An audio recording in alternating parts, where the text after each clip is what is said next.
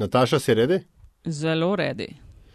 You go, girl. Zelo redi za 180. epizodo Metinega čaja. To je podcast o medijih, dobrih in slabih praksah, novih tehnologijah in trendih prihodnosti.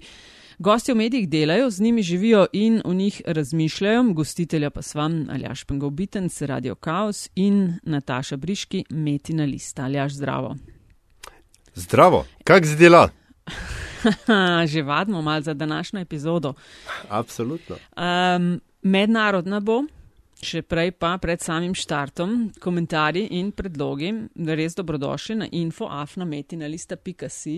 Uh, z zaljažem naj lahko vedno podsukate za rokav na Afna Pengovski ali Afna DC43, spremljava tudi ključnik Metin Čaj in Na glas kličeva hvala vsem, ki investirate v vsebine, ki jih ustvarjamo na Metini listi. In hvala za podporo podkastu Metin Čaj.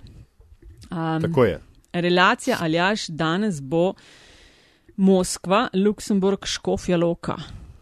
Vlasta je. Mislim, škof, Škofja Loka je center sveta, Totalen. vse ostalo se je samo v orbiti uh, tega Se... najbolj, uh, menda kaj že občine, kjer je najbolje živeti v Sloveniji. Ja, ne? ena tistih, tukaj se imajo ljudje, imamo menda kar fajn. Ja. Um, z nama pa 180. epizoda, Vlasta Jeseničnik, dopisnica RTV Slovenija iz Moskve. Vlasta zdravo.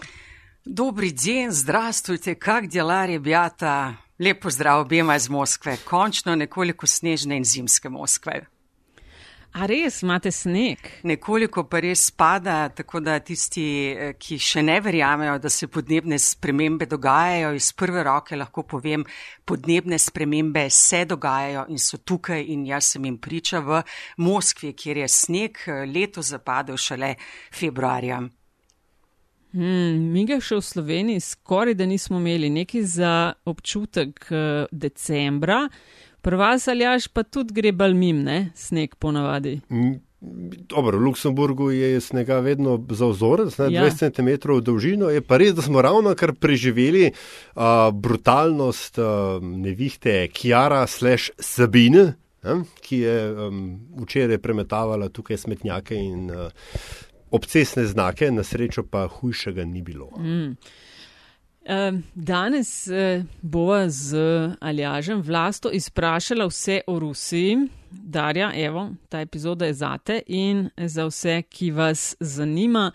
Eh, bolje razumeti, kaj se dogaja danes v Rusiji. Vlasta, preden štartamo, čist pa prvo in zadnje vprašanje vsem gostom sta enaka in sicer prvo je, če se lahko mal ta svoj medijski uh, biografijo predstaviš, kaj vse si ti že počela doslej za tiste, ki recimo mogoče s tem niso najbolj seznanjeni. Jaz sem v novinarstvu 35 let, se mi zdi, da je to kar precej dolga doba in v 35 letih se je že marsikaj zgodilo, se pravi tudi v moje profesionalni karieri. Začela sem pri 19 letih na televiziji Slovenija kot mlajša dežurna v zonanje politični redakciji in nekaj desetletji kasneje sem še vedno v zonanje politični redakciji televizije Slovenija. Delala sem tudi v, lahko bi rekla, legendarnem studiu City, tam sem nabirala nekoliko drugačne novinarske izkušnje. Drugače sem pa postala dopisnica RTV Slovenija v Moskvi leta 1996. Prva leta oziroma zadnja leta Borisa Nikolajeviča Jelcina in prva leta Vladimirja Vladimiroviča Putina, ki je predsednik eh, tudi 20 let kasneje. Po Rusiji sem odšla v Združene države Amerike, tudi izjemno, izjemno zanimivo obdobje leta Iraške vojne in prva izvolitev temnopoltega predsednika v zgodovini ZDA. Potem sem se vrnila v Slovenijo, bila voditeljica televizijskega dnevnika, no in potem sem prišla nazaj v Moskvo v, bom rekla, zelo, zelo zanimivem obdobju leta 13, ko so se pravzaprav začeli dramatični dogodki v Ukrajini, ki so potem privedli tudi do nove zaostritve odnosov med Rusijo in Zahodom, čimor smo priča še vedno in iz teh zaostrenih odnosov seveda je mogoče potem delati eh, najrazličnejše analize, kam peljajo ti zaostreni odnosi, zakaj je Rusija takšna, kot je in tako naprej. Skratka, precej zanimivo obdobje moje novinarske kariere, ki traja pač več kot 30 letja. Vlasta, če sem prav ujela, z 19 si že bila na RTV-ju, no, če ko, kdo je tako zelo entuzijastik, da pride delati v novinarstvo in predvidevam uh, tudi pokrivati kaj mednarodnega, kako ti je rad ali pa 19 že prideti zraven? Le, tako kot sem ti rekla, oziroma sem vama povedala, je, jaz sem začela kot mlajša dežurna, če se spomniš, ne vem, če se še spomniš teh časov, Nataša, to so bili časi, ko smo še uporabljali pisalne stroje, ko smo dobivali uh, vse informacije, informacije ne po internetu, ampak uh, po faksu. Uh, tako da sem trgala lističe in v začetku pisala kratke novičke, dolge 30-40 sekund, morda tudi kakšno minuto, potem sem lahko začela delati tudi prispevke. Nisem pa jaz novinarka, jaz sem študirala mednarodne odnose, uh, končala mednarodne odnose in tudi diplomirala iz odnosov med ZDA in Sovjetsko zvezo v času Regana in Gorbačova, tako da lahko bi rekla, da me je ta diplomska naloga v nekem smislu determinirala ali determinirala, determinirala mojo profesionalno kariero. Drugače pa ja, takrat, ko smo študirali, smo kar hitro začenjali delati preko študenta in to je razlog, da sem, da sem se jaz znašla na televiziji Slovenija. Aha, prek študenta, čisto običajno potrkala na vrata in so iskali, in to je bilo to. Tako, tako, tako. A, sem to. tudi jaz, veš, kot mlajša dežurna štartala, takrat smo že imeli kompjuterje, ampak je, bilo, je bil podoben začetek, samo v mojem primeru na Pop TV-ju. Pa najbrž si kakšno kavico morala skuhati, če komu. To, to je, Vse. Tako, tako. No, potem smo približno, približno isti začetek smo imeli. Ja da jaz tale ageism mal prekinem, um, Nataša. Um, ampak vlasta, zdi se tako krmičken romantično, tako, tako so nam prodajali delo v medijih. Prideš um, v redakcijo in pojmaš te velike ideje o tem, kako boš delo intervjuje z vem, predsedniki vlade, svetovnimi voditelji, pokrival ne, ne vem, vrh o raz, razoraževanju z nukle, nuklearnim orožjem in tako dalje. In tako dalje. Um, zdi se, da si ti živela to novinarsko romantiko, vsaj potem, kako, kako, kot zdaj opisuješ. Lahko bi rekla, da ja, da začelo se je, kot se je začela, kot sem opisala, ampak moja karijera, glede na to, da sem pri 30-ih odšla v tujino, torej najprej v Rusijo, eh, potem v ZDA in se potem vrnila v Rusijo, ja, je v veliki meri sestavljena iz teh zgodb, ki si jih zdaj omenil, velikih zgodb, tudi, tudi nekaterih velikih intervjujev ne vem, jaz sem intervju, intervjuvala recimo zadnjega sovjetskega voditelja Mihajla Gorbačova, intervjuvala sem ruskega premijeja Dimitrija Medvedjeva, ni mi uspelo intervjuvati nobenega ameriškega predsednika in še ne ruskega predsednika, ampak kako pravijo. Nadeždo umira pa slednji ali upanje umira zadnje, nikoli se ne ve kaj bodo še novinarska leta prinesle. Drugače pa zagotovo pač 30 letja novinarskega dela ti prinese veliko, veliko dobrih zgodb, najrazličnejših zgodb. In jaz sem to novinarstvo, lahko bi rekla, res živela in ga, in ga živim še, še danes. In zdaj moram jaz kar takoj vprašati, pa vem, da se bomo potem še v detajlih um, pogovarjali, ampak glede na tvojo um, akademsko ne, pot, se pravi odnosi med um, supersilama v, kaj je to, zadnjem stadiju hladne vojne, bi lahko temu rekli. Tako je. Ne? A smo danes spet v neke vrste hladni vojni? Ja, jaz bi rekla, da smo zagotovo v neki hladni vojni, ne takšni, kot je bila pred 30 leti, se pravi ta zadnja leta morda Sovjetske zveze, ampak zagotovo odnosi med Washingtonom in Moskvo še nikoli niso bili tako, na tako nizki ravni, kot so zdaj po koncu hladne vojne. Tako da, kako se bo vse to razvijalo, je sveda odvisno tudi od tega, kaj se bo dogajalo v ZDA, kar zadeva Rusijo. Poglejte, eh, Rusija ima zelo jasno strukturiran politični sistem, zelo jasno vertikalo oblasti kjer se je za vsa leta uh, po letu uh, eh, 2000 vedelo, kdo bo zmagal na predsedniških volitvah, tudi bolj ali manj, kdo bo zmagal na parlamentarnih volitvah. Tako da edina intriga, ki ostaja, je in to je velika intriga. In če bi imela zdaj kristalno kroglo, bi z veseljem pogledala vanjo in vama povedala odgovor, kaj se bo zgodilo leta 2024, ko pa bo Putin po torej, štirih predsedniških mandatih se verjetno zares poslovi vsaj od predsedniškega položaja, kaj bo počel naprej, kakšna bo njegova vloga v ruski politiki, pa lahko za zdaj uh, samo ugibamo, definitivno pa bo igral izjemno, izjemno pomembno vlogo. V avtoritarnih uh, sistemih uh, voditelji ne morejo, tudi če bi morda želeli, ne morejo oditi kar tako,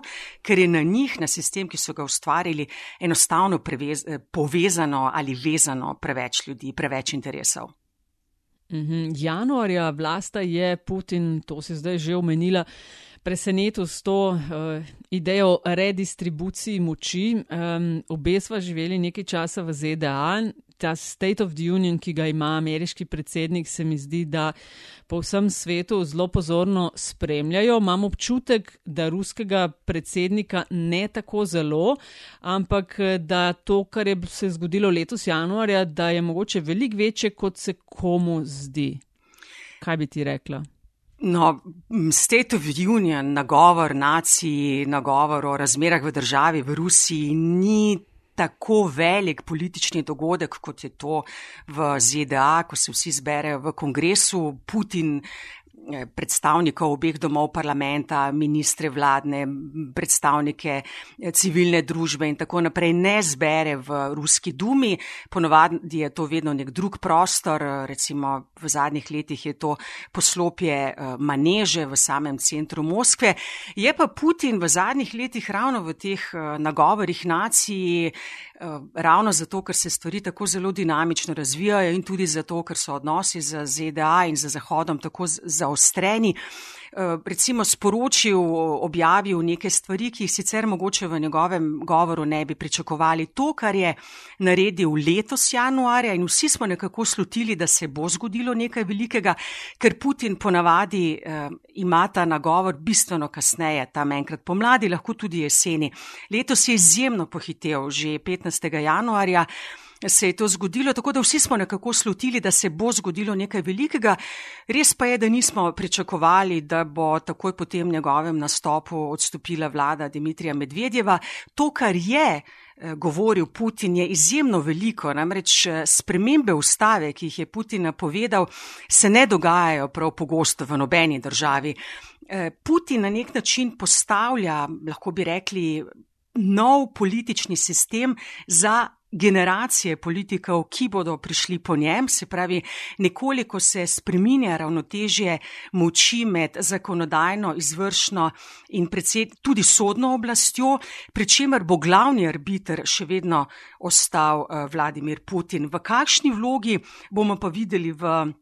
V bistvu v naslednjih mesecih, ko bo nekoliko bolj znano, kateri bi bil lahko tisti organ oblasti, ki ga bo Putin potem, ko ne bo več predsednik eh, države eh, vodil.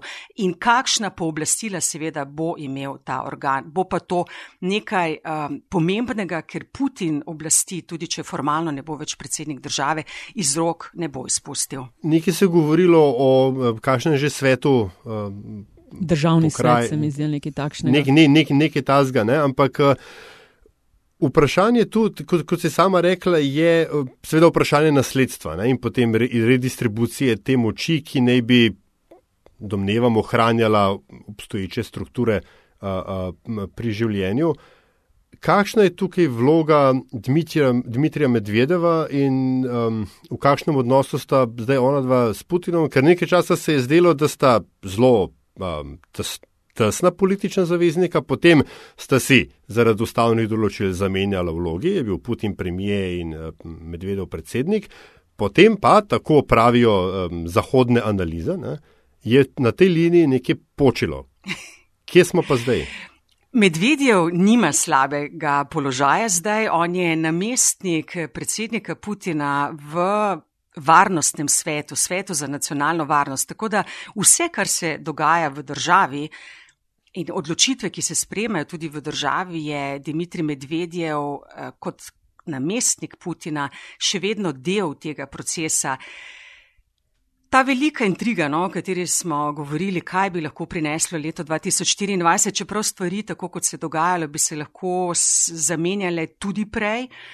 Je kdo, seveda, bi lahko stopil v Putinove čevlje. Zdaj je veliko, veliko se špekulira. Poglej, tako kot si omenil, eh, Dimitri Medvedjev in Vladimir Putin sta se na položajih že enkrat zamenjala in absolutno ni nemogoče, da se to ne bi zgodilo tudi leta 2024, ko bo imel predsednik nekoliko manj pooblastil, kot jih ima zdaj.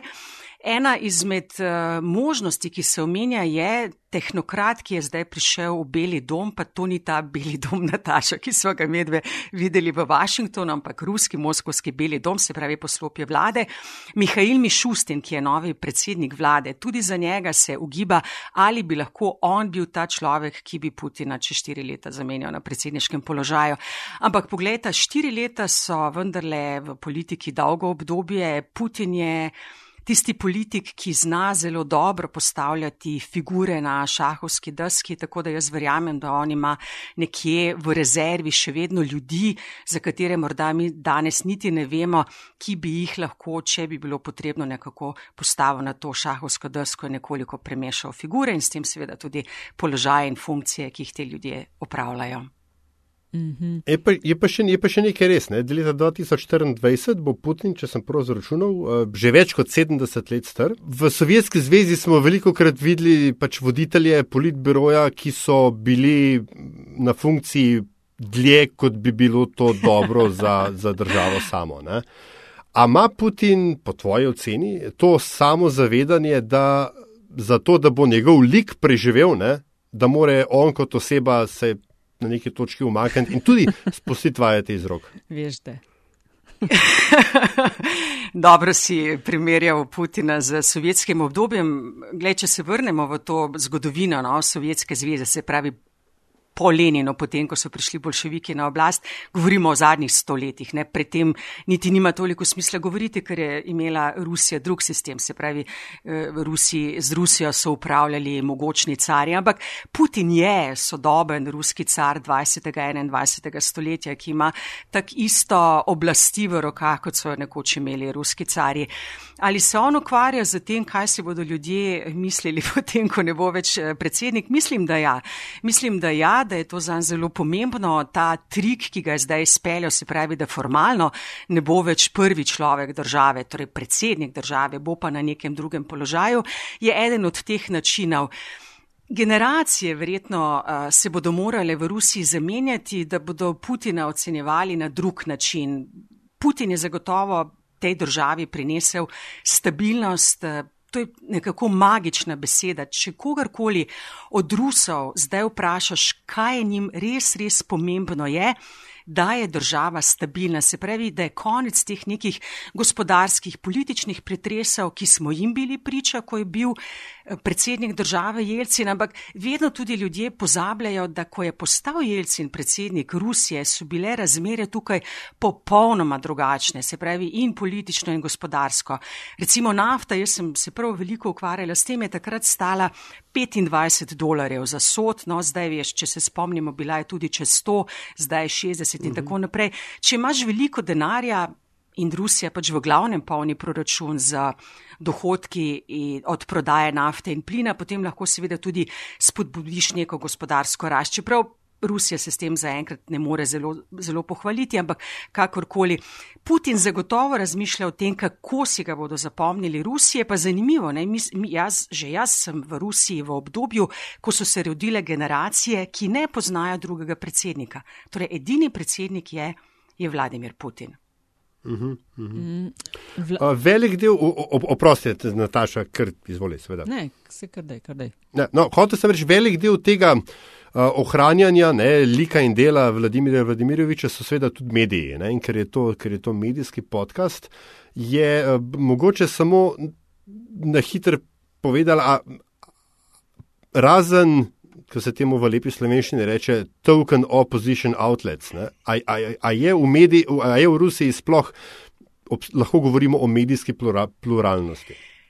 V Rusiji je internet eh, za zdaj še svoboden, torej dostop do interneta ni omejen. Eh, res pa je, da je Duma v zadnjih letih sprejela več eh, zakonov, ki kaznujejo ljudi, ki recimo na družbenih omrežjih ali pa na spletu objavljajo retvite, ki bi jih lahko oblast interpretirala kot spodbujanje k sovraštvu. Recimo, zelo moraš paziti, kakšne retvite um, objavljaš o uh, predstavnikih oblasti, se pravi predsedniku države, predsedniku vlade, sodnikih, poslancih in tako naprej. Uh, Potem so mm, različne kazni tudi za fake news, to, kar pač Rusi ali pa oblast determinira ali določi kot fake news. Drugače pa Spletni mediji uh, obstajajo, uh, obstajajo tudi, se pravi, časopisi, ki jih ljudje še vedno kupujejo in tudi berejo. Tako da del neodvisnih medijev še obstaja, ampak Rusija je narejena tako, da večina ljudi, in to ne glede na to, koliko se star, Res je sveda, da mlajše generacije v glavnem se uh, ozirajo na, na internet in dobivajo informacije z interneta, drugače pa recimo ljudje tam od 35-40 naprej pa v glavnem še vedno dobivajo informacije z televizije. Televizija je tukaj najmočnejši medij in televizija je pa absolutno v rokah ali pa pod nadzorom Kremlja. Tako da kontrolirati informacijo, kaj bodo televizijske postaje objavljale, kakšne zgodbe, kakšne zgodbe ne, kaj bodo spinale, kaj ne, kaj je tisto, kar v nekem trenutku koristi Kremlju, kaj ne. Vse to je pa v bistvu v rokah Kremlja, ki nadzira vse glavne državne medije. A moraš vlasta tudi ti kot tuja dopisnica paziti, kaj v tem pogledu delaš? Nataša, kar zadeva naše delo tujih dopisnikov, se je od teh zlatih let, jaz to res imenujem zlato obdobje mojega dopisništva tukaj, zelo spremenilo. Se pravi, v zadnjih letih eh, Jelcina je bil ta medijski prostor pluralen in bistveno bolj svoboden, kot je zdaj. Putin je, potem ko je prišel na oblast leta 2000, še nekoliko, nekoliko dovoljeval to svobodo medijev, potem se je začelo to zategovanje pasu zelo, zelo čutiti. Tudi tisti mediji, ki so nekoč veljali za najbolj opozicijske, recimo v mojih časih, televizija NTV, je zdaj eden glavnih izpostav države. Tuji dopisniki teže prihajamo do informacij, kot smo recimo v časih, ko, ko je bil na oblasti Jelcin.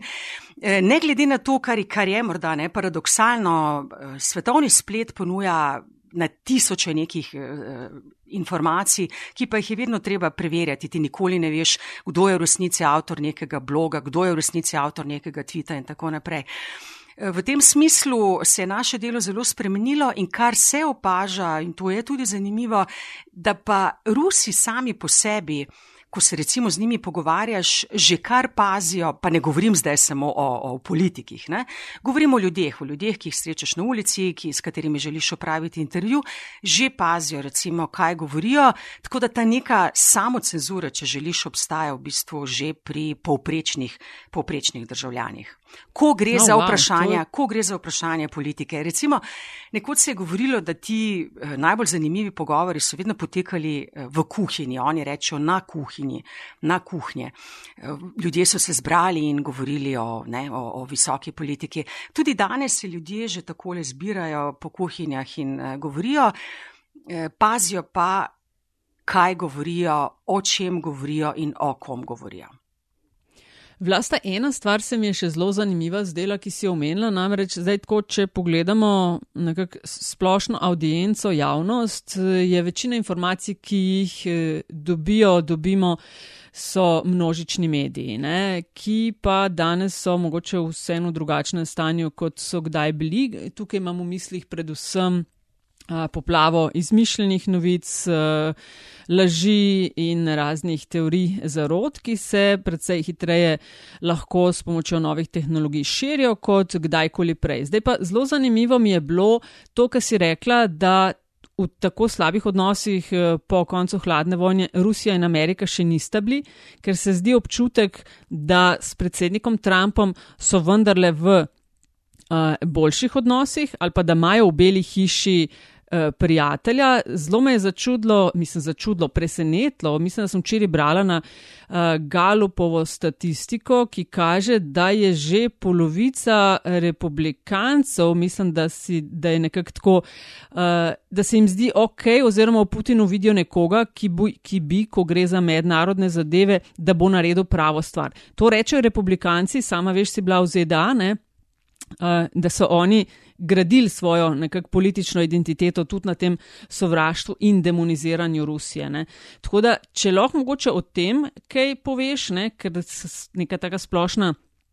Uh, ocena se mi zdi, oh, Amerika in Rusija sta boljš kot kdajkoli, pa se pol preselimo še na to domnevno ali pa nedomnevno upletanje Rusije v volitve in posledično tudi Evropska unija je eno spletko v ta namen odprla EU versus Disinfo. Ampak ok, najprej Amerika-Rusija odnosi. Amerika-Rusija je to, kar, kar smo priča pač v teh zadnjih letih, se pravi, govorimo zdaj o treh letih Trumpa je nekako res paradoksalen odnos. Rusija je stavila na Trumpa, Rusija ni stavila na Hillary Clinton in zanimivo je tudi zgodovinsko gledano, so se Rusi lažje pogovarjali z republikanskimi predsedniki kot z demokratskimi, ker demokratski so ponavadi vedno privlekli Eh, na površje vprašanje človekovih pravic, vprašanje svobode medijev, vprašanje religije in tako naprej. Ta biznis-like odnos eh, bi, Put, bi med Putinom in Trumpom eh, celo verjetno lahko bil zanimiv, ker bi se ker sta oba izjemno pragmatična politika, zlasti pa Trump, ki meni, da se je vsem mogoče pogovarjati tako, kot se je on pogovarjal, ko je sklepal nepremičninske posle. Eh, ampak ta odnos ne more delovati, ker je pač razmerje moči v Ameriki, se pravi med republikanci in demokrati, posem drugačno zdaj in ker obstaja ta strahotna zamera za demokratske strani eh, in opozorila, da, so, da se je Rusija umešavala v ameriške predsedniške volitve. Ameriški politični sistem ima jaz ne, ne vem, ali bi zdaj rekla temu smolo ali ne, ampak eh, mi smo bili v zadnjih 30 letih dvakrat priča, da so zmagali na volitvah demokratski eh, kandidati po številu absolutnih glasov. Ampak elektorski sistem, kakršnega imajo, dovoljuje potem, ne glede na to zmago v absolutnih številkah, da postane predsednik države republikanec. In um, to se je zgodilo tudi z Trumpom. Drugače pa Putin in Trump uh, se ne srečata in tudi ne slišita prav pogosto.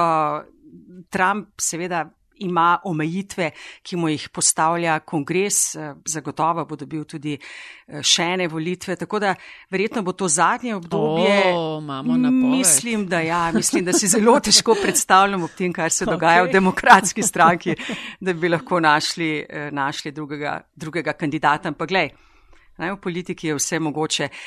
Skratka, če dobimo še štiri leta Trumpa in potem do konca še uh, Putina, bo to obdobje, v katerem ameriški predsednik nima več kaj izgubiti, ne, ker on se zagotovo poslavlja, Putin pa tudi bolj ali manj, bo to obdobje po moje zelo, zelo, zelo zanimivo. Mhm. Kaj pa to, no, pogled iz Rusije na vplivanje na volitve? Ne? Uh, plus, a spremljaš ti, kdaj greš kdaj na to spletno stran EU versus Disinfo, kjer uh, debankajo ruske manipulacije, laži in teorije zarote, ki se tičejo Evropske unije. Ja, ja, seveda, seveda spremljam to stran. Ja. A je kaj mesa na tem? Na govoricah. Zaenkrat še vedno, čeprav so tajne službe sicer potrdile v določeni meri, ne, ampak vseeno v vmešavanju, se pravi Rusija v volitve, v vmešavanju v to, da eh, delajo na destabilizaciji Evropske unije? Glej, vse te stvari je izjemno težko dokazati. Dejstvo je, da to, kar producirajo ruski državni mediji, in to je nekako paralelni svet, ki je drugačen od sveta, ki ga prikazujejo ruski neodvisni mediji. Teh medijev je bistveno manj, ampak svet, ki ga prikazuje, kot rečeno, ruski državni mediji, lahko bi jim rekli tudi ruski propagandni stroj, je drugačen od tega, ki ga uh, vidijo neodvisni mediji. Težko je dokazati, da so Rusi bili povsod noter, ampak dejstvo je, za veliko državo, kot je Rusija, za veliko državo, kot so ZDA ali Kitajska, se je z razdrobljeno Evropsko unijo, to je pa dejstvo, veliko lažje pogovarjati, kot se pogovarjate z enotno Evropsko unijo. In ko gre za zonanjo politiko Evropske unije, ta neke enotne zonanje politike, ne glede na to, da pač še vedno vsako leto potrjujejo podaljševanje sankcij proti Rusiji, nima. In dlje, kot se vleče to obdobje zaostrenih odnosov, bolj, ko se spreminjajo odnosi med EU, ZDA in Kitajsko, bolj imaš v Evropi politike, ki pravijo, dajmo se povezovati z Rusijo, dajmo pozabiti na gospodarske sankcije, dajmo začeti gospodarsko sodelovati, ker je to edina pravilna pot. Kot rečeno, težko je dokazati, da so Rusi posodili zraven. Sorry, ker te prekinjam, ampak tako, čist običajnim ljudem z ceste, Rusom, Rusinjam, a se to zdi kul, cool, da jih obtožujejo in njihovega voditla, da se umešavajo v volitve, ali jih to zares sploh tako zelo ne briga? Odvisno, s kom se pogovarjaš. Če se pogovarjaš z starejšimi generacijami, potem bodo stopili skupaj in delovali tako približno kot uh, trdnjava, ki jo želi nekdo usvojiti. Se pravi, Rusija je medijsko napadena Zahoda, Zahod Rusije ne razume, ne razume naše politike, ne razume naše zgodovine, želi potvarjati zgodovino Zahod. Eh, so drugačne vrednote, kot je Rusija. V vsem tem smislu se starejša generacija bo, bolj stopi skupaj. Če govoriva o mlajših, mlajšim ni tako zelo fajn, da se v Rusiji govori kot, ne vem, deželi, kjer morda hodijo še vedno po cestah medvedi, seveda zdaj karikiram. E, tako da v tem smislu je treba ločiti tudi e, generacije v Rusiji. Drugače pa to, kar sem že rekla, mladi, Mladi v glavnem dobivajo informacije še vedno z svetovnega spleta, tudi veliko potujejo in v tem smislu oni svet in zahod, ki ga skušajo državni mediji veliko krat prikazati kot sovražnika, razumejo in vidijo posebno drugače. Um, kaj pa je, se pravi, v, v, v obratni smeri? Uh, obstaja relat, mislim, ne bom rekel cela vrsta, ampak nekaj zelo močnih in izpostavljenih uh, outletov, ki so spet ne, na zahodu, da tako rečem, uh, razumljeni kot uh, eksponenti direktno kremljske politike. Govorim o RT, nekdanjem Russia Today, o Sputnik, uh, tej medijski skupini, o raznih investicijah, kaj že Russia Beyond the Headlines in tako dalje, ki imajo neposredne povezave z ruskim zunanjim ministrstvom. Um, del, a, a je to del, da rečem, nekega ruskega um, poskusov vplivanja na narativ v um, zahodnih državah, v EU?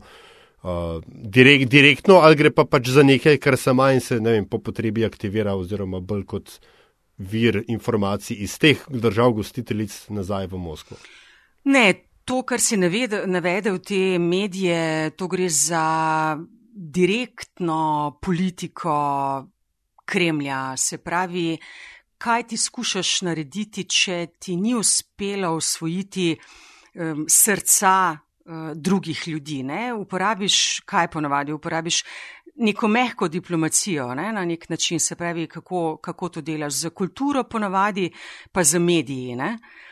In Rusija je zlasti v zadnjih letih, govorimo morda tako nekako v zadnjem desetletju, no, veliko vlagala v to vrstne eh, medije. To je jaz bi rekla temu čisti propagandni stroj, ampak vse te propagandne stroje so pred Rusijo uporabljale tudi, tudi druge države. Se zdaj, če boš vprašal Rusije, bodo rekli, no se kaj pa je, ne vem, Voice of America, kaj so pa oni, ne? ali pa bodo rekli, ne vem, kaj je Radio Svoboda, ne bodo rekli, vse to je to, to so pač uporabljali, to je uporabljal Zahod nekoč, Rusija je začela te medije kot propagando, s katero skušajo nekako prepričati ljudi ne le v Zahodnji Evropi, ampak tudi v drugih delih sveta, tudi v arabskem svetu na vse zadnje, eh, da je pač eh, Rusija drugačna država, kot jo skušajo opisovati, opisovati zahodni mediji. Tako da to so čisti propagandni stroji z ogromnim proračunom, ki bi jim ga, po mojem, zavidal, ki jim ga zavide marsikateri zahodni mediji in njihova politika je v tem smislu zelo, zelo jasna. Skratka, eh, ljudem z vem, bombastičnimi naslovi, velikimi črkami, ki se pojavljajo na ekranu, z novinarji, ki jih eh, te televizije ali pa ti mediji pošiljajo v različne konce sveta, prikazati rusko videnje sveta. To ni nič drugega, to je pač rusko videnje sveta, s katerim skušajo prepričati poslušalce, gledalce v drugih delih sveta, da obstaja uh, tudi ruski pogled na, sve, na svet in, in ruska resnica. Hmm. Hotel sem namreč zato vprašati, ne, ker, um, oziroma tako, kaj potem po tvojem pomeni, da recimo slovenski predsednik da en zelo relativno obsežen intervju uh, mediju kot, kot je RT?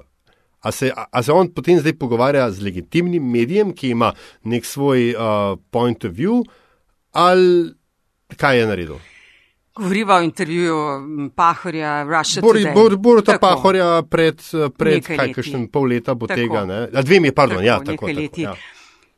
Še enkrat, Arti je uh, mediji, ki Eh, ga gledajo ljudje na Zahodu. Če daješ eh, intervju RT-ju, moraš vedeti, kateremu mediju daješ intervju. S tem ni nič narobe, če si ga dal. Eh, pomembno pa je, da kdorkoli se odloči, da da intervju takemu mediju, da se mora na nj zelo, zelo dobro pripraviti in mora vedeti, kdo mu stoji nasproti. Nasproti mu ponavadi stojijo novinarji, ki imajo neko agendo, ne, se pravi, ki pridejo za točno določeni vprašanji in pričakujejo točno določene odgovore.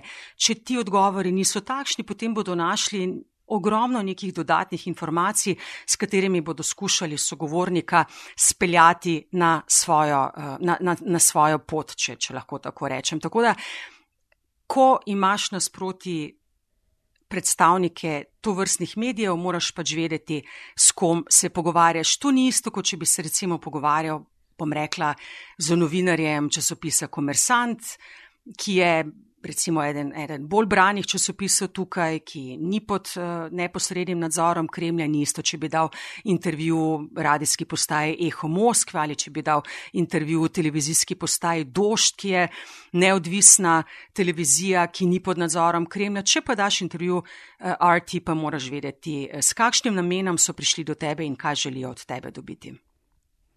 In pri teh uh, medijskih pogledih, jaz imam občutek iz Slovenije, uh, da je veliko slovenskih medijev, da ima proruski pogled. A imaš ti iz Moskve tudi takšen pogled? Jaz, če prebiram slovenske medije ali poslušam, gledam tako naprej, se mi zdi, da je v nekaterih časopisih v določenem obdobju veliko proruskih člankov ali pa manj kritičnih člankov v Rusiji.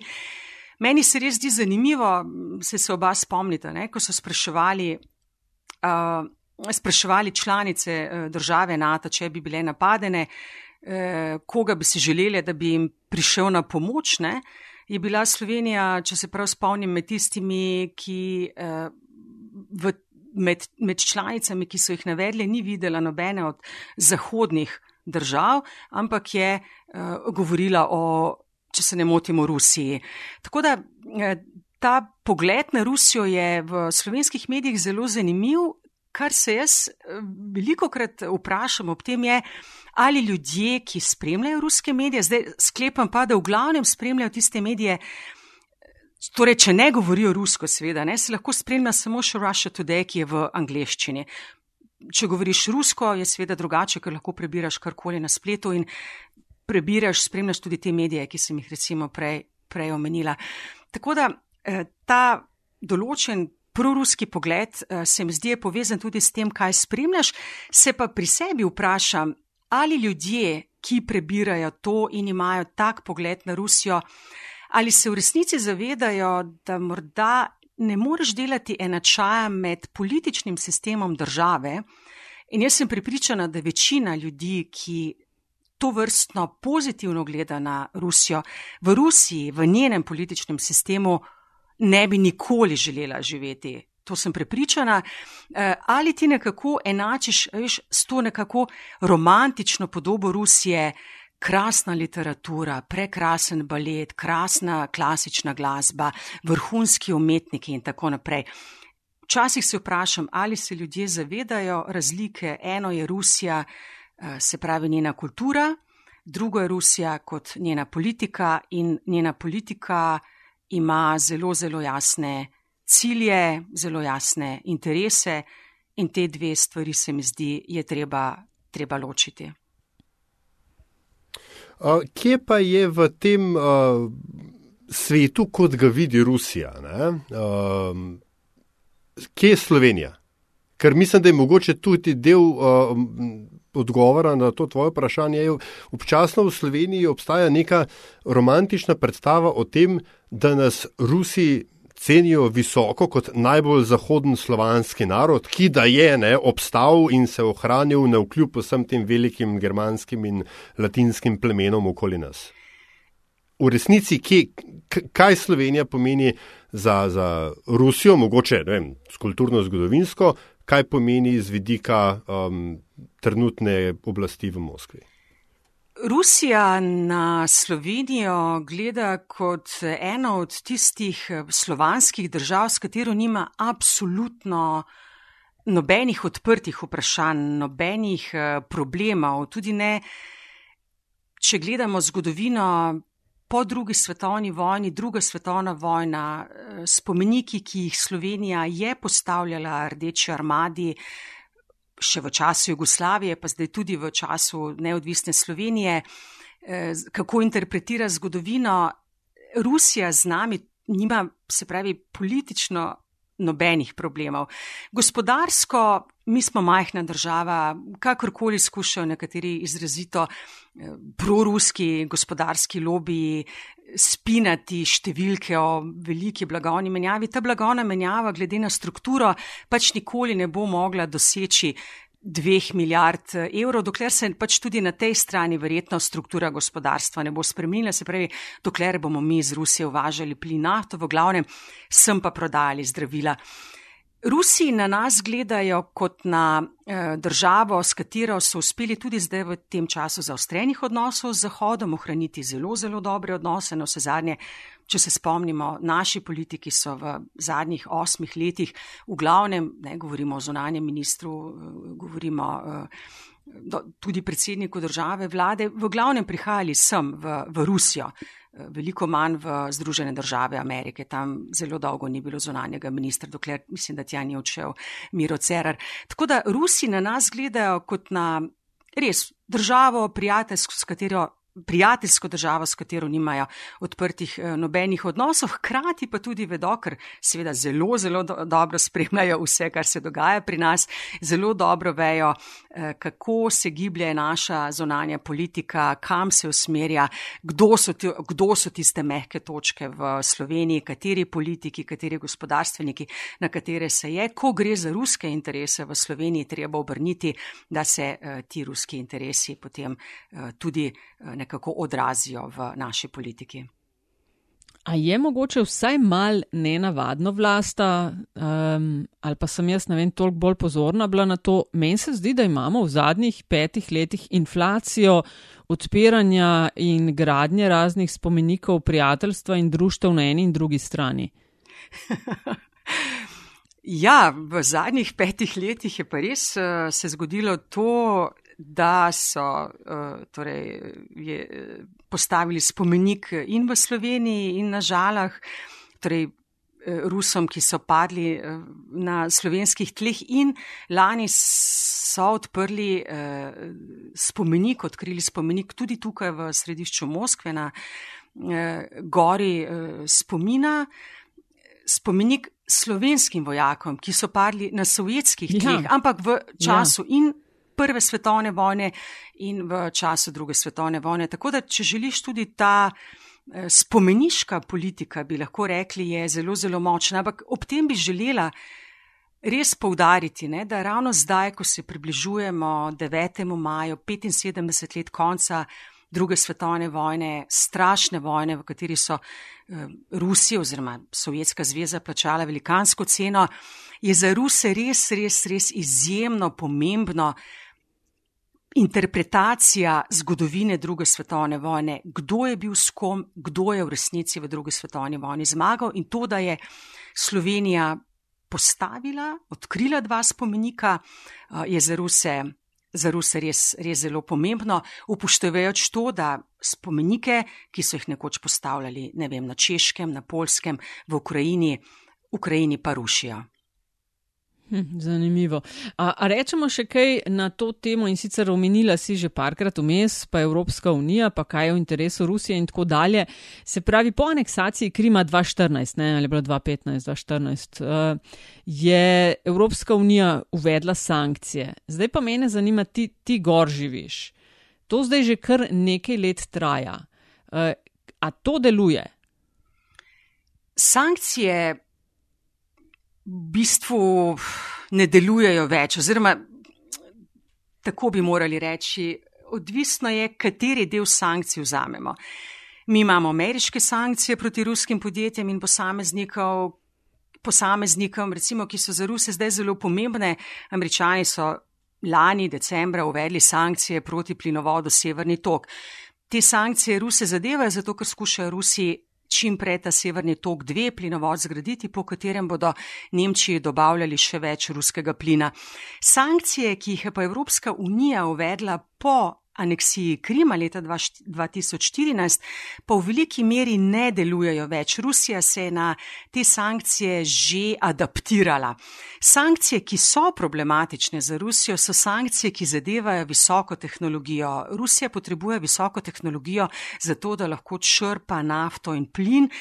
Poceni nafte je v Rusiji vse manj, Rusija ima ogromne zaloge nafte in plina, ampak ta nafta se zdaj skriva v glavnem na ruskem severu, torej na Arktiki, kjer je treba seveda čakati na to, da lahko ti to nafto črpaš iz globin morja. Zato pa Rusija potrebuje eh, visoke tehnologije in sankcije, ki zadevajo visoke tehnologije, pa še vedno vplivajo tudi na, tudi na Rusijo in na rusko gospodarstvo. Drugače pa Rusija, tudi ko so sankcije uvedli, se je izkazalo, da so te, nekako je prišlo do, to, kot radi, radi rečemo, perfect storm, se pravi, takrat so šle tudi cene nafte na vzdolj, Zahod je uvedel sankcije, ampak Rusija in je beležila potem negativno gospodarsko rast, predvsem zaradi tega, ker se je eh, cena nafte tako zelo znižala in tudi to, čemu smo priča pa zdaj morkoče v zadnjih tednih, ko zaradi koronavirusa v,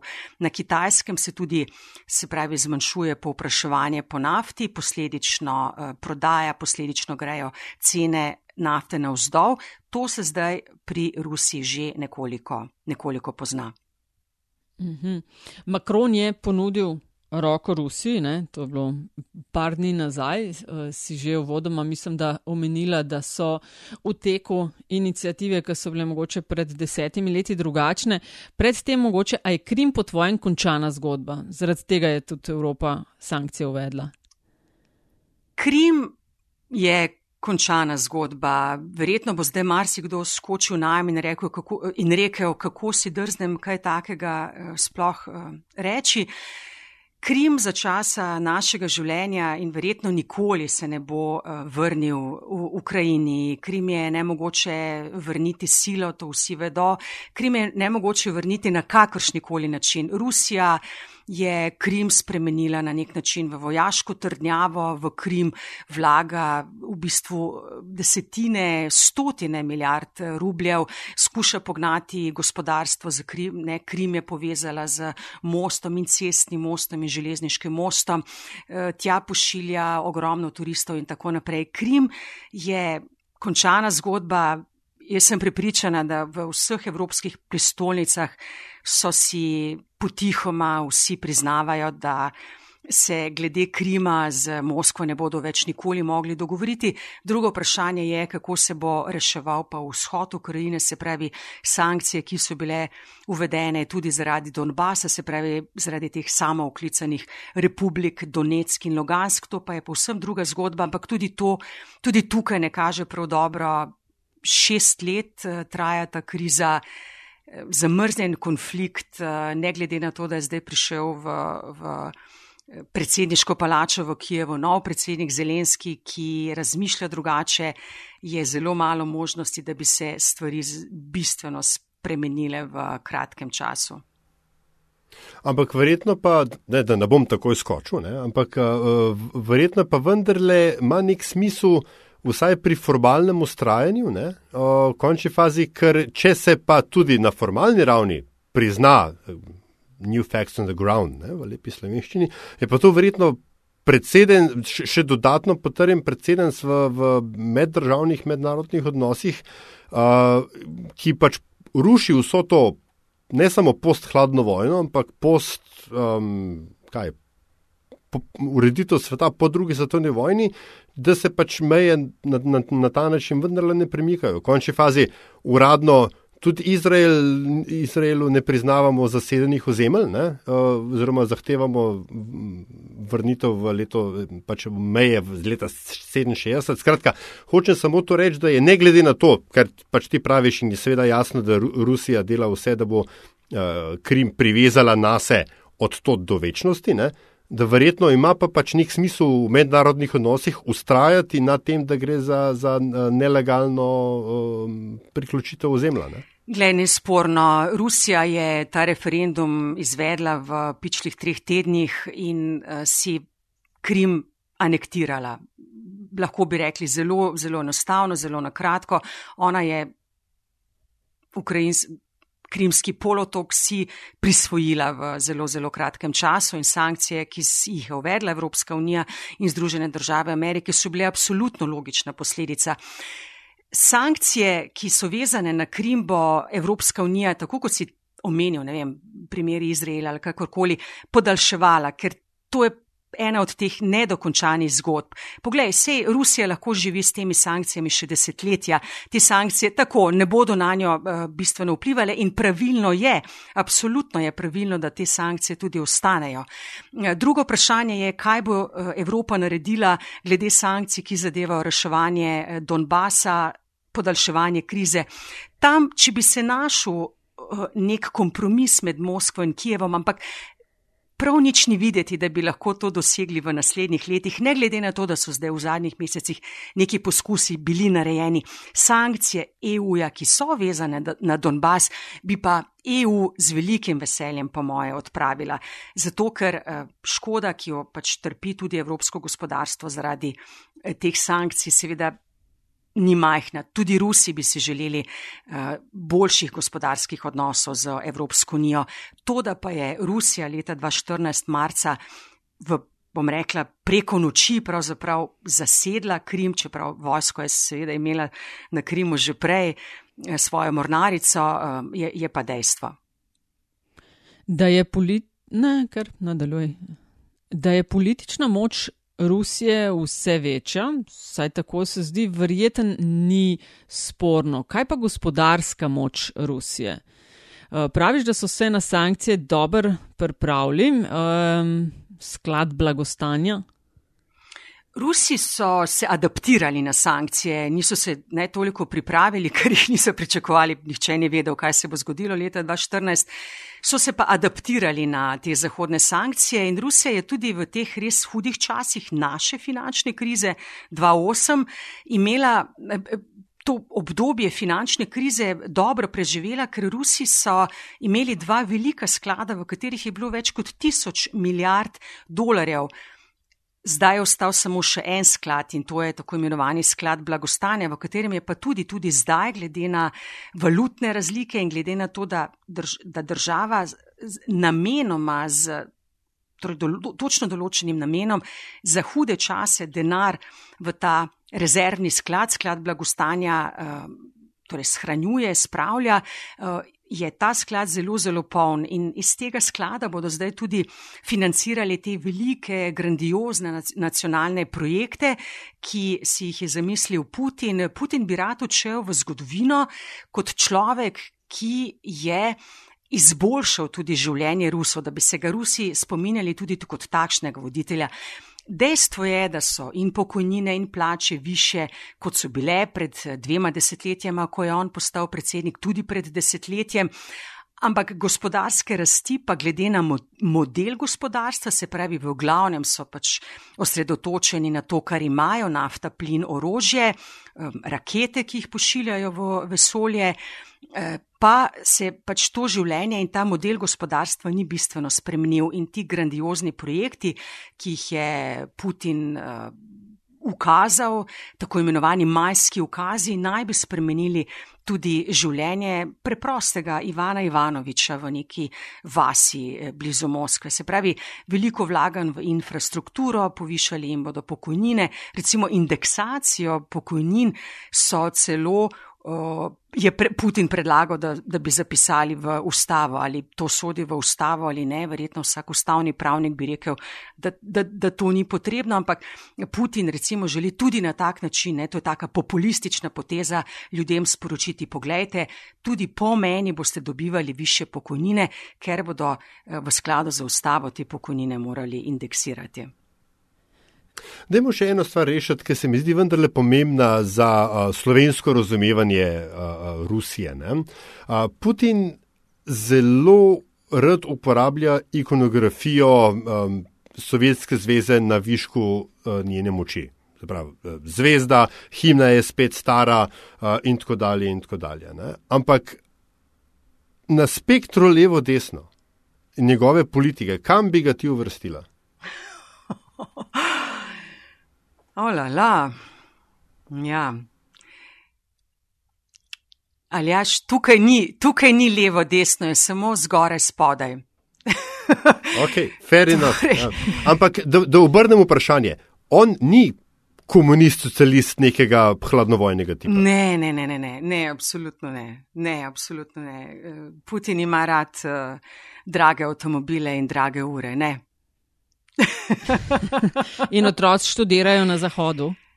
Oj, Nataša, o njegovih otrocih bi pa verjetno lahko posneli še eno oddajo, ker to je pa eh, takšna skrivnost v Rusiji, koliko, torej zagotovo ima dveh črki, zagotovo.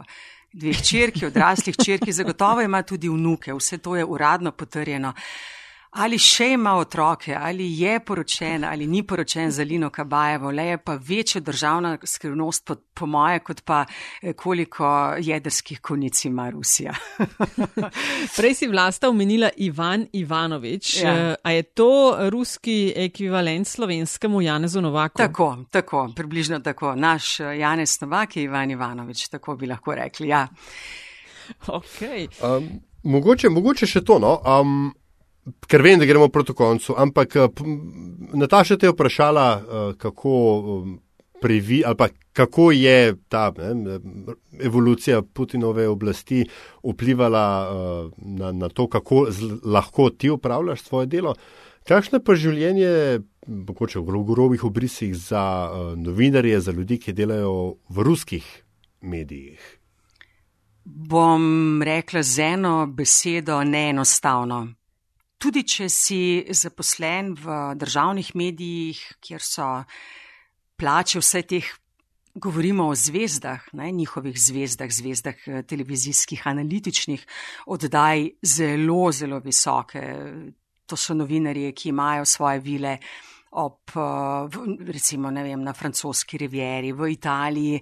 To je zelo zanimivo, ne, ta, mogoče ta ruski patriotizem, eh, ki si ga prej nekako pripeljal. Ne. Ruski patriotizem se, po moje, v tej državi eh, odraža skozi število potnih listov, ki jih imaš, tujih potnih listov za vsak slučaj. Zelo grobo bom zdaj to rekla, ampak to je dejstvo. Poglej, vsi tisti največji ruski patriotični novinarji, ki tukaj za televizijskih ekranov malo da ne vsak dan, ker ti analitične oddaje pa so vsak dan in to ne samo zvečer, ampak tudi čez dan, tam ob enih popovdne, tako da ta eh, informacijska vojna se mi zdi se v bistvu na ruskih televizijah začenja že opovdne ob kosilu. Vsi ti veliki ruski patriotični novinari, vsi imajo svoje vile zunaj in to, kar si prej omenila Nataša, tudi njihovi otroci študirajo v tujini, v glavnem študirajo v Londonu, Parizu, tudi v Združenih državah Amerike. Tako da novinarsko gledano drugače je zdaj v Rusiji, kot je bilo, sploh tisti, ki se morajo vsak dan boriti za svoje gledalce, za svoje poslušalce. Zelo, zelo moraš paziti, kaj pišeš. Tu obstaja eno tako pravilo, tako imenovane dvojne črte, ne se veste iz eh, prometnih predpisov, da je, če prevoziš dvojno črto, to kaznivo dejanje, plačaš za prekršek. No, v ruskem novinarstvu tudi imenova, eh, obstaja tako imenovana dvajnaja splašnaja, dvojna črta, eh, kjer se eh, novinari, uredniki, direktorji zelo zavedajo, kaj smejo pisati in kaj ne smejo pisati. Če prevoziš, prestopiš to dvojno črto, se lahko konča tudi s tem, da tvojega medija ni več. Se pravi, ponavadi kaj naredijo sledi klic iz Kremlja, eh, nekaj opozoril, jaz ne razlagam, zdaj to nikakršni skrivnosti, to je javno znano, nekaj klicev iz Kremlja, če nisi razumel sporočila, se pojavi ponavadi davkarija, če to ni dovolj, se pojavi še kdo, ki po nekem členu nekega zakona najde, da si ta člen kršil in sledi ponavadi zaprtje takšnega medija in to se je eh, v Rusiji že zgodilo in to naenkrat. Ja, le kufre imam pripravljene. Vlasta eh, met in čaj zalažem tradicionalno končujeva z vprašanjem, da gostje z nama delijo kakšno zanimivost, zgodbo, anegdoto, priporočilo, karkoli tega je bilo že v tem našem pogovoru. Eh, velik zanimivega, no, ampak za konec, kaj si pršparala, s čim boš presenetila občinstvo? sem veliko razmišljala o tem, kaj bi lahko povedala. In se mi je zdelo, če začenjamo, če smo začeli naš pogovor z to predstavitvijo mojega dela, se mi je zdelo, da bi mogoče lahko v nekem takem loku tudi zaključila. In potem sem razmišljala, kdaj sem jo začela tukaj delati, se pravi leta 96, eh, tu ni bilo več čas. Pisalnega stroja, ampak tehnologije, ki smo jih takrat uporabljali, so bile posebno drugačne. In se spomnim, ko sem prvič bila v pisarni Vladimirja Putina, to je bilo leta 2002, bil je že predsednik države in takrat je Moskvo obiskal Janez Drnovšek kot predsednik vlade. Putin ga je sprejel v svojem kabinetu, takrat je bilo veliko, veliko lažje priti v Kremelj in tudi v kabinet Vladimirja Vladimiroviča. Ampak to so bili še analogni časi, ko smo še vse snemali na ogromne, ogromne beta kasete in ko smo ta material pošiljali, smo ga tudi pošiljali preko satelita. Nasproti Kremlja je takrat stala gastinica Rasija oziroma hotel Rusija, največji hotel na svetu z več kot 2700 sobami, legendarni hotel, v katerem je bila tudi Eurovizija. Zdaj vsi, ki eh, pač se tako ali drugače ukvarjajo z novinarstvom, vedo, da gre tu za skupnost javnih televizijskih postaj in da smo vse čas pač vse material, slikovni, tudi javljanje v živo, eh, delali preko Eurovizije, preko satelita. Putin je že takrat zamujal in uh, takrat mislim, da je bil še dnevnik na televiziji Slovenija ob pol osmih zvečer. Časa je bilo vedno, van, vedno manj, uh, jaz nisem vedela, kako bom uspela ta material ali sploh prinesti do Eurovizije uh, in ga poslati v Ljubljano. No, in potem se je končno srečanje Putin-Drnovše končalo in spomnim se, da sem tekla, tekla po dolgih hodnikih Kremlja čez rdeči trg do hotela Rusija kjer po Murphyju ni bilo lifta, ki bi me čakal, uspela priti v zadnjem trenutku do eh, Eurovizije, ustaviti eh, ogromno beta kaseto v player. Ker pa se je seveda to pošiljalo v realnem času, ne, ne tako kot zdaj po internetu, si seveda trajalo, preden je ta material prišel v Ljubljano. No in v zadnjem, zadnjem trenutku nekako smo uspeli ta material spraviti v Ljubljano. Evo, to je moja Moskovska zgodba, 16 let kasneje, to je bilo pa lani, čas interneta, digitalizacije in tako naprej, je bil tukaj uh, Marjan Šarec, tak isto deadline, problem za časom, kdaj bom uspela spraviti material v Ljubljano. No, zelo enostavno, računalnik sredi Moskve, na gori spomina, ki sem jo že prej omenila, konec eh, odkritja spomenika in vas material smo uh, pošiljali preko interneta. Takole, to je tehnološki wow. lok, ki veliko pove tudi o glamurju, da je najbrž mnogi ljudje mislijo, kako glamurozno je naše delo. Naše delo je, se mi zdi, vse to vidva, oba dva vesta, garaško, izjemno lepo, izjemno zanimivo, polno presenečen in ja, to je to. Ja, vlasta, najlepša hvala za zanimivost in sploh, eh, da si nam pomagala odstreti to za kulisje in razumeti Rusijo v enem širšem kontekstu. No? Ker uh, je pa res bilo že, veš, uh, kar nekaj ljudi, kdaj boste Rusijo, kdaj boste Rusijo. Tako da ti si super naslov za to temo in razpravo, kaj se dogaja na tistem koncu sveta. Hvala za povabila.